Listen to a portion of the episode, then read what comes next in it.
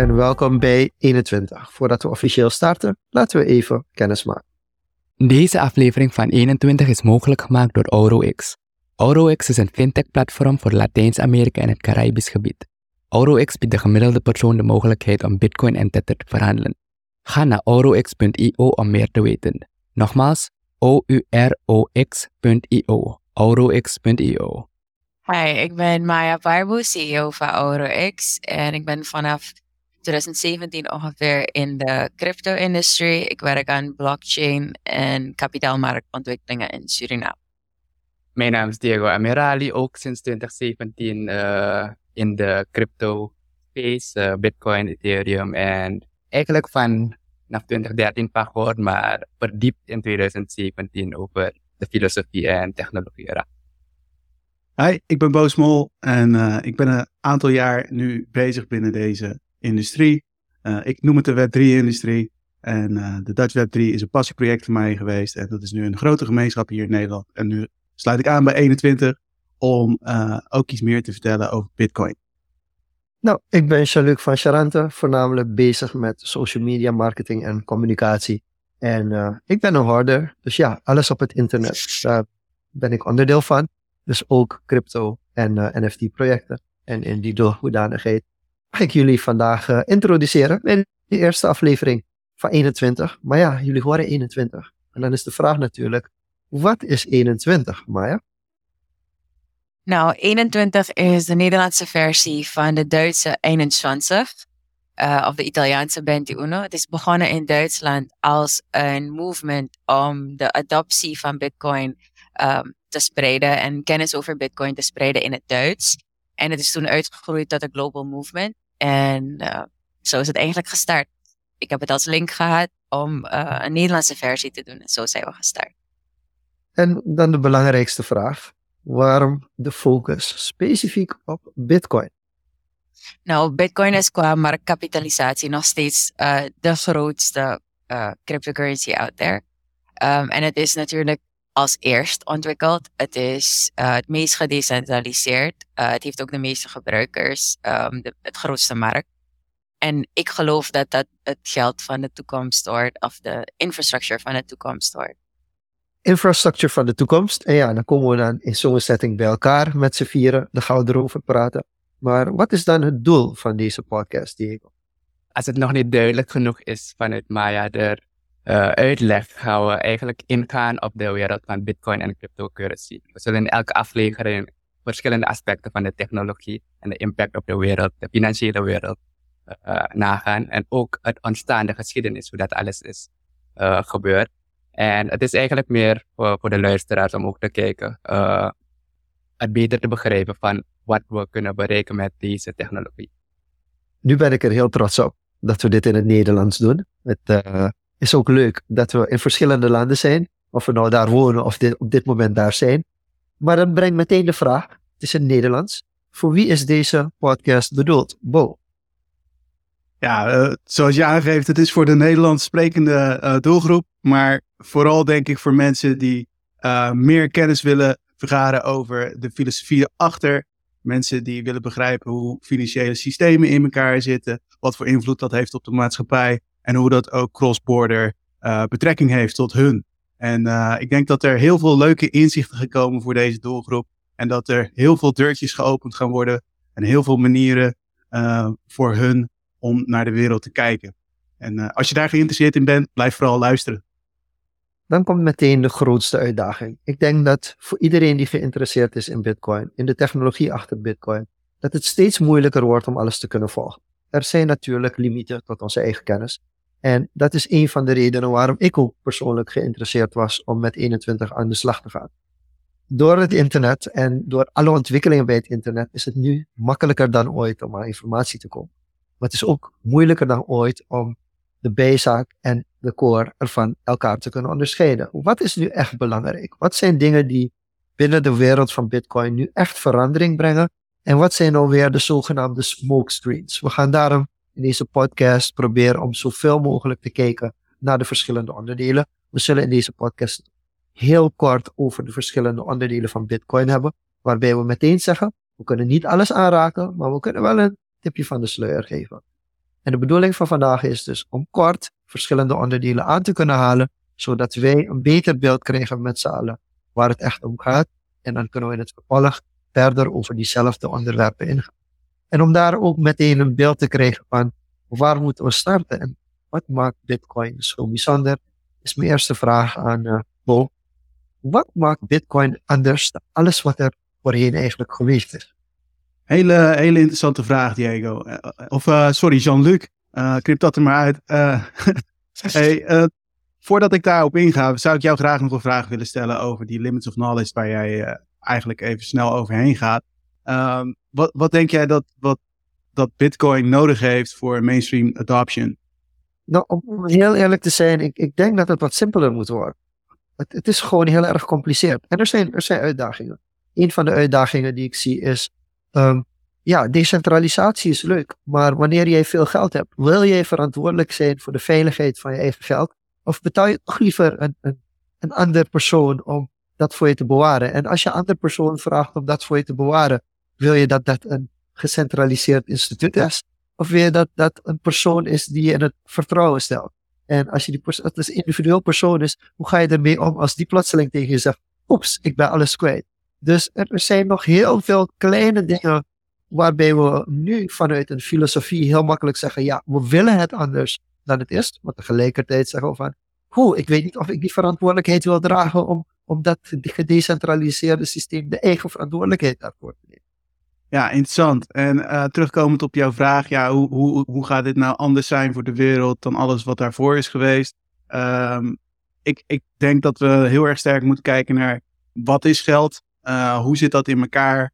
En wat is nou de waarheid erachter? En ik, als we kijken naar de technologie op zich, kunnen wij met onze enigszins technische vaardigheden nu heel goed inzien wat een bitcoin is. Of in ieder geval wat, waar het zich ophoudt en van wie het is. Dus als we het hebben over ja, wie heeft wat en wat is authentiek, dan kunnen wij heel duidelijk zien, oké, uh, dit adres dat bij deze persoon hoort, privacy daar gelaten. Uh, dus als we het hebben over immutability, kunnen we heel duidelijk duiden van, oké, dat is voor hem, dat is voor mij. En nu in dit systeem kunnen we dat niet zo heel goed.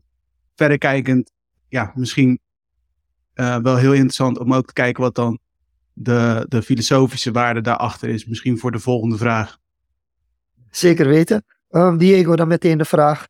Als we praten over free speech en free speech in Bitcoin, hoe belangrijk is de rol of de mogelijkheid van het hebben van vrijheid spreken? Nee, als we kijken naar free speech en eigenlijk de filosofie achter Bitcoin, uh, fundamenteel gezien is er een hechtere relatie dan initieel, men initieel denkt. Als men nu hoort Bitcoin, denkt men gelijk aan financiële um, gesteldheid. Hoe sterk sta je financieel? Maar uh, verder de impact dat Bitcoin heeft, als we ook kijken naar regeringen over de hele wereld. Je hebt tegenwoordig ook heel veel censuur uh, met social media en dergelijke. En Twitter is een heel goed voorbeeld van Facebook. Al die gecentraliseerde platformen. En Bitcoin, uh, los van het bieden van transacties kunnen doen zonder tussenpersonen, uh, biedt het ook de mogelijkheid om eigenlijk uh, een transactie is gewoon een medium. Als wij met elkaar praten, is dat een transactie van woorden. Dus als we hebben over free speech, uh, is hetzelfde filosofie van dat je dat van wat je toepast in Bitcoin ook daarin zou kunnen toepassen. Dus Bitcoin speelt een belangrijke rol daarin om eigenlijk free speech ook te stimuleren. Oké, dan is er heel veel sprake over, ja, Bitcoin is het nieuwe goud. Maar, maar hoe zorgt eigenlijk Bitcoin ervoor dat we anders gaan kijken naar geld? Nou, als je kijkt naar geld en hoe geld zich heeft ontwikkeld over de eeuwen heen. En hoe Bitcoin eigenlijk is ontstaan, uh, precies na de 2008-crisis. Um, dan ging het om door wie wordt geld gedrukt, hoe wordt er bepaald hoe geld wordt gedrukt en hoe wordt de waarde van geld uh, bepaald. Um, het was voorheen nog uh, tied to the gold standard. Um, dus geld was backed by gold. Um, en Bitcoin is daarna, daar, daarop. Dus het is een, een digitale versie van, van goud uh, mining. Een technische versie daarvan. Dus het is eigenlijk digitaal geld. Uh, zou je er naar moeten kijken.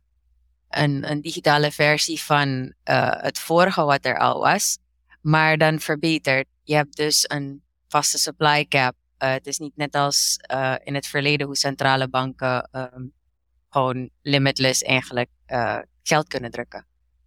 Dan komt toch de interessante vraag, want het ging al heel vrij, heel snel, heel technisch. En dan komt de vraag ook weer aan boven van, maar uh, in hoeverre zijn we op school bewust gemaakt van, van basiskennis over persoonlijke finance, maar ook finance in het, in het algemeen? Ja, ja dat, is, dat is inderdaad een goed punt wat je aanstipt. En als we kijken zeg maar, naar mijn persoonlijke leven, hè, uh, ik kom uit een ondernemersgezin.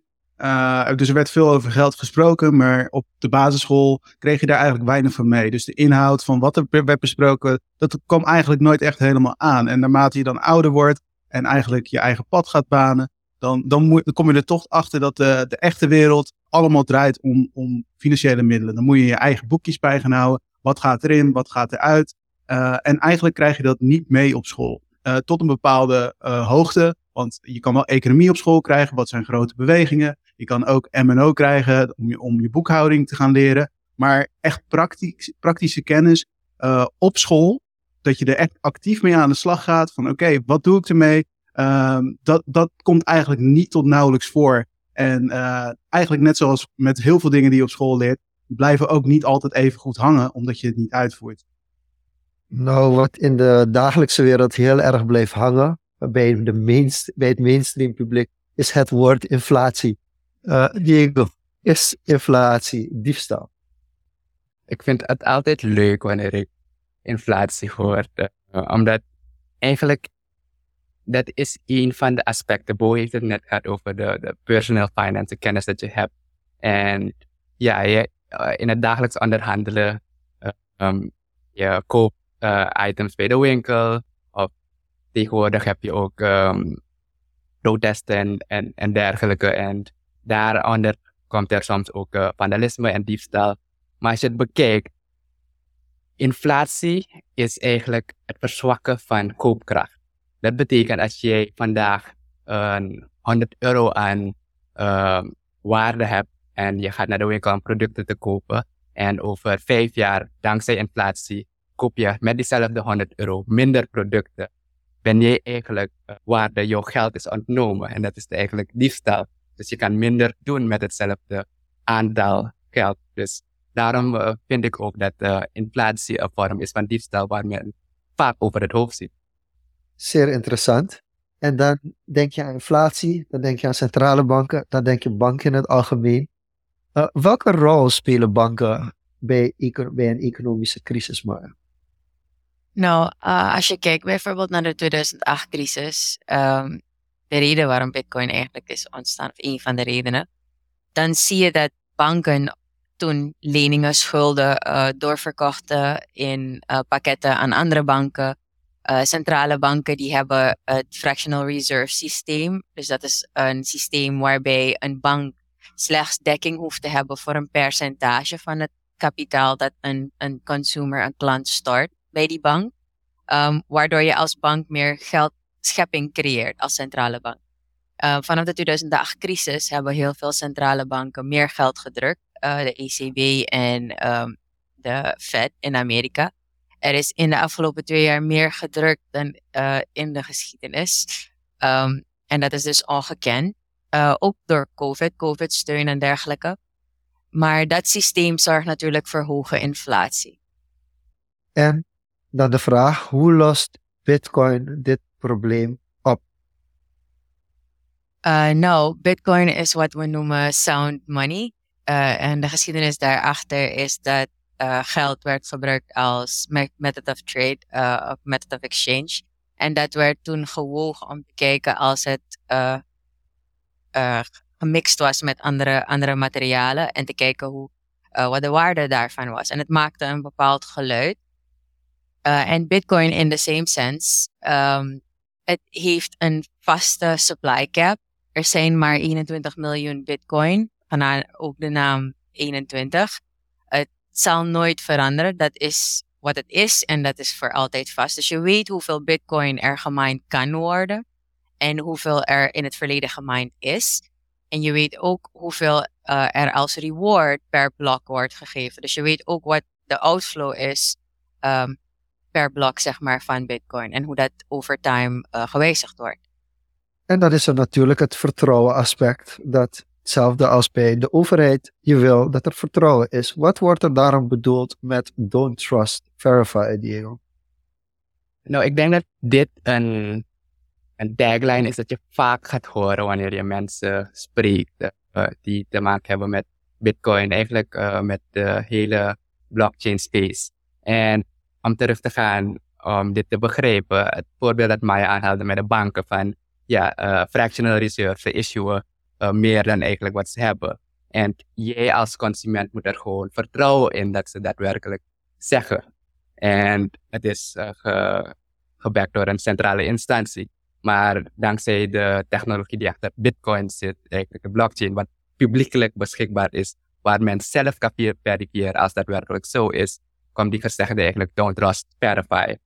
Vertrouw niet op iemands anders woord, maar verifieer het eerst voordat je eigenlijk uh, een beslissing maakt of een actie onderneemt dat daadwerkelijk valide is. Dus vandaar don't trust, verify. Als we dit alles hebben gehoord, Bo, wat is iets waar we nog aandacht aan zouden moeten besteden of iets wat we over het hoofd hebben gezien? Poeh, dat, dat is een, uh, een vraag die ik niet had verwacht.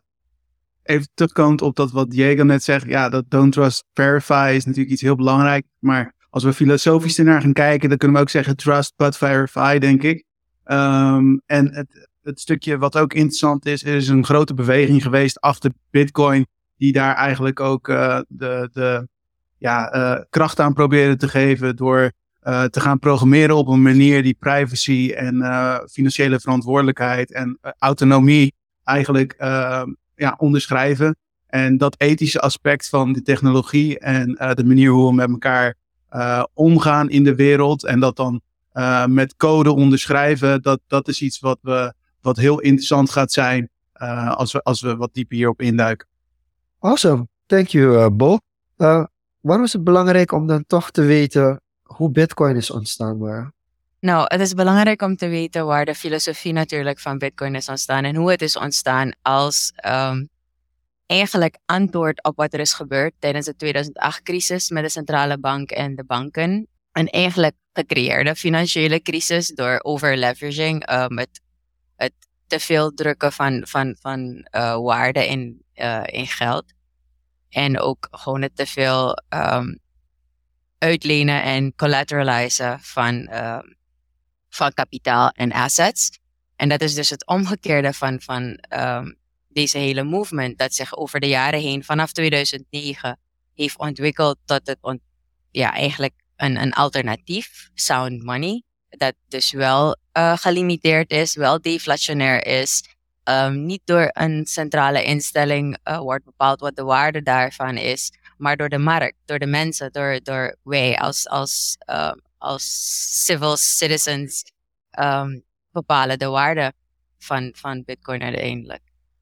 Als we dan naar de huidige situatie kijken, wat is de rol van Bitcoin anno 2023? Diego?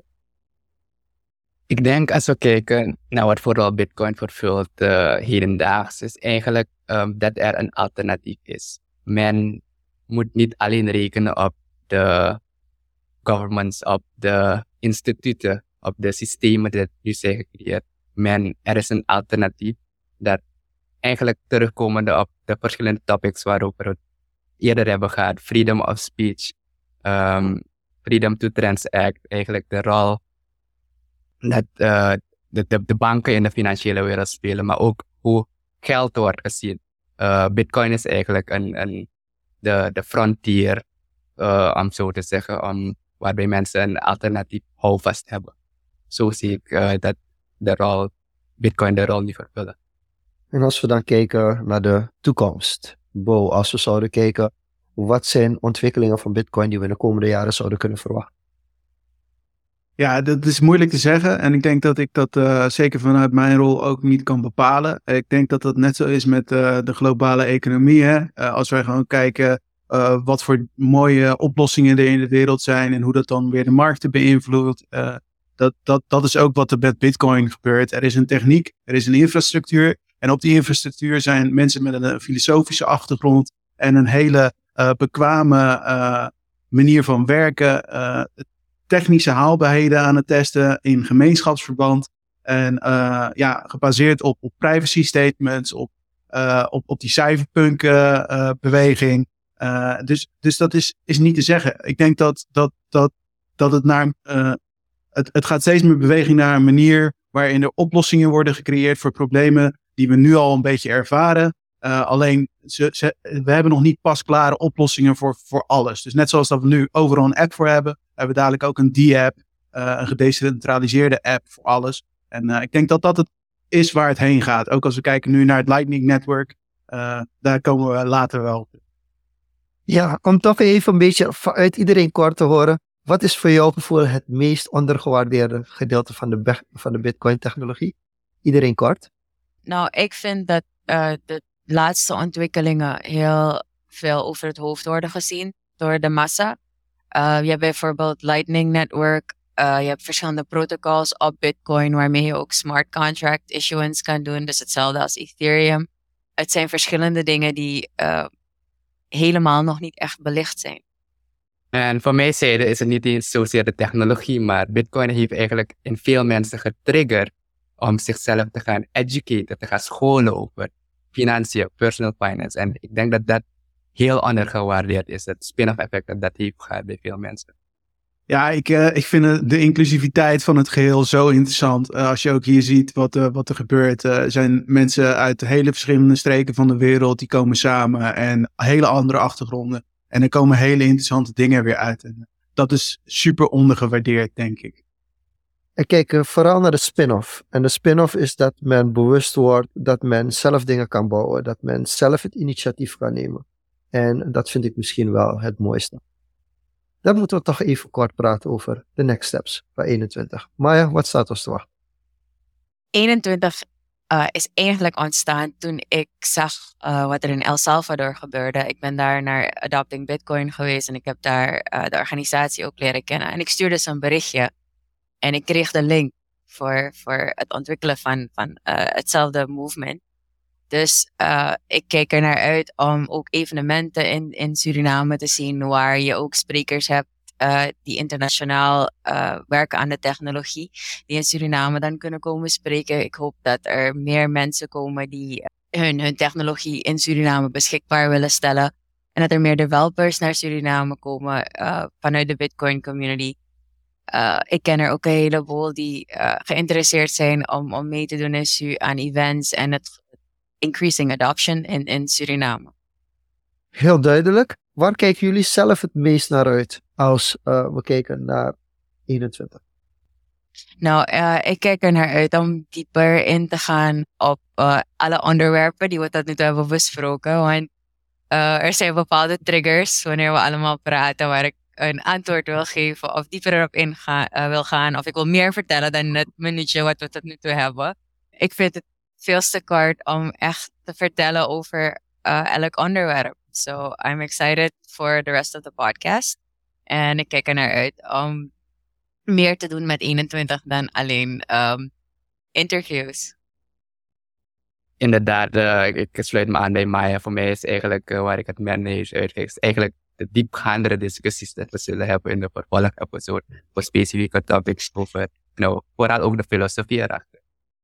Ja, ik kijk er ook ontzettend naar uit uh, wat, wat het allemaal teweeg gaat brengen. Ik, ik merk aan alles dat als er een vraag gesteld wordt, inderdaad iedereen soort van getriggerd raakt. En denkt, oh, maar dit is een invalshoek, dat is een invalshoek, dit is een manier om over na te denken.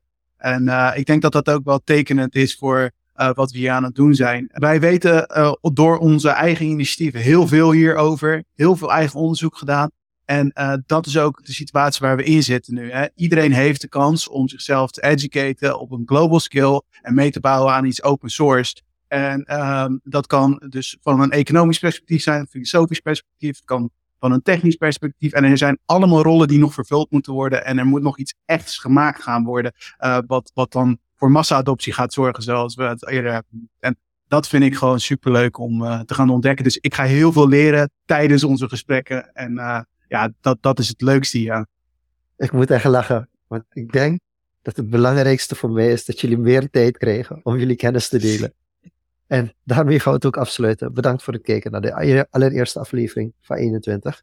We sluiten hierbij af en we zien je de volgende keer terug.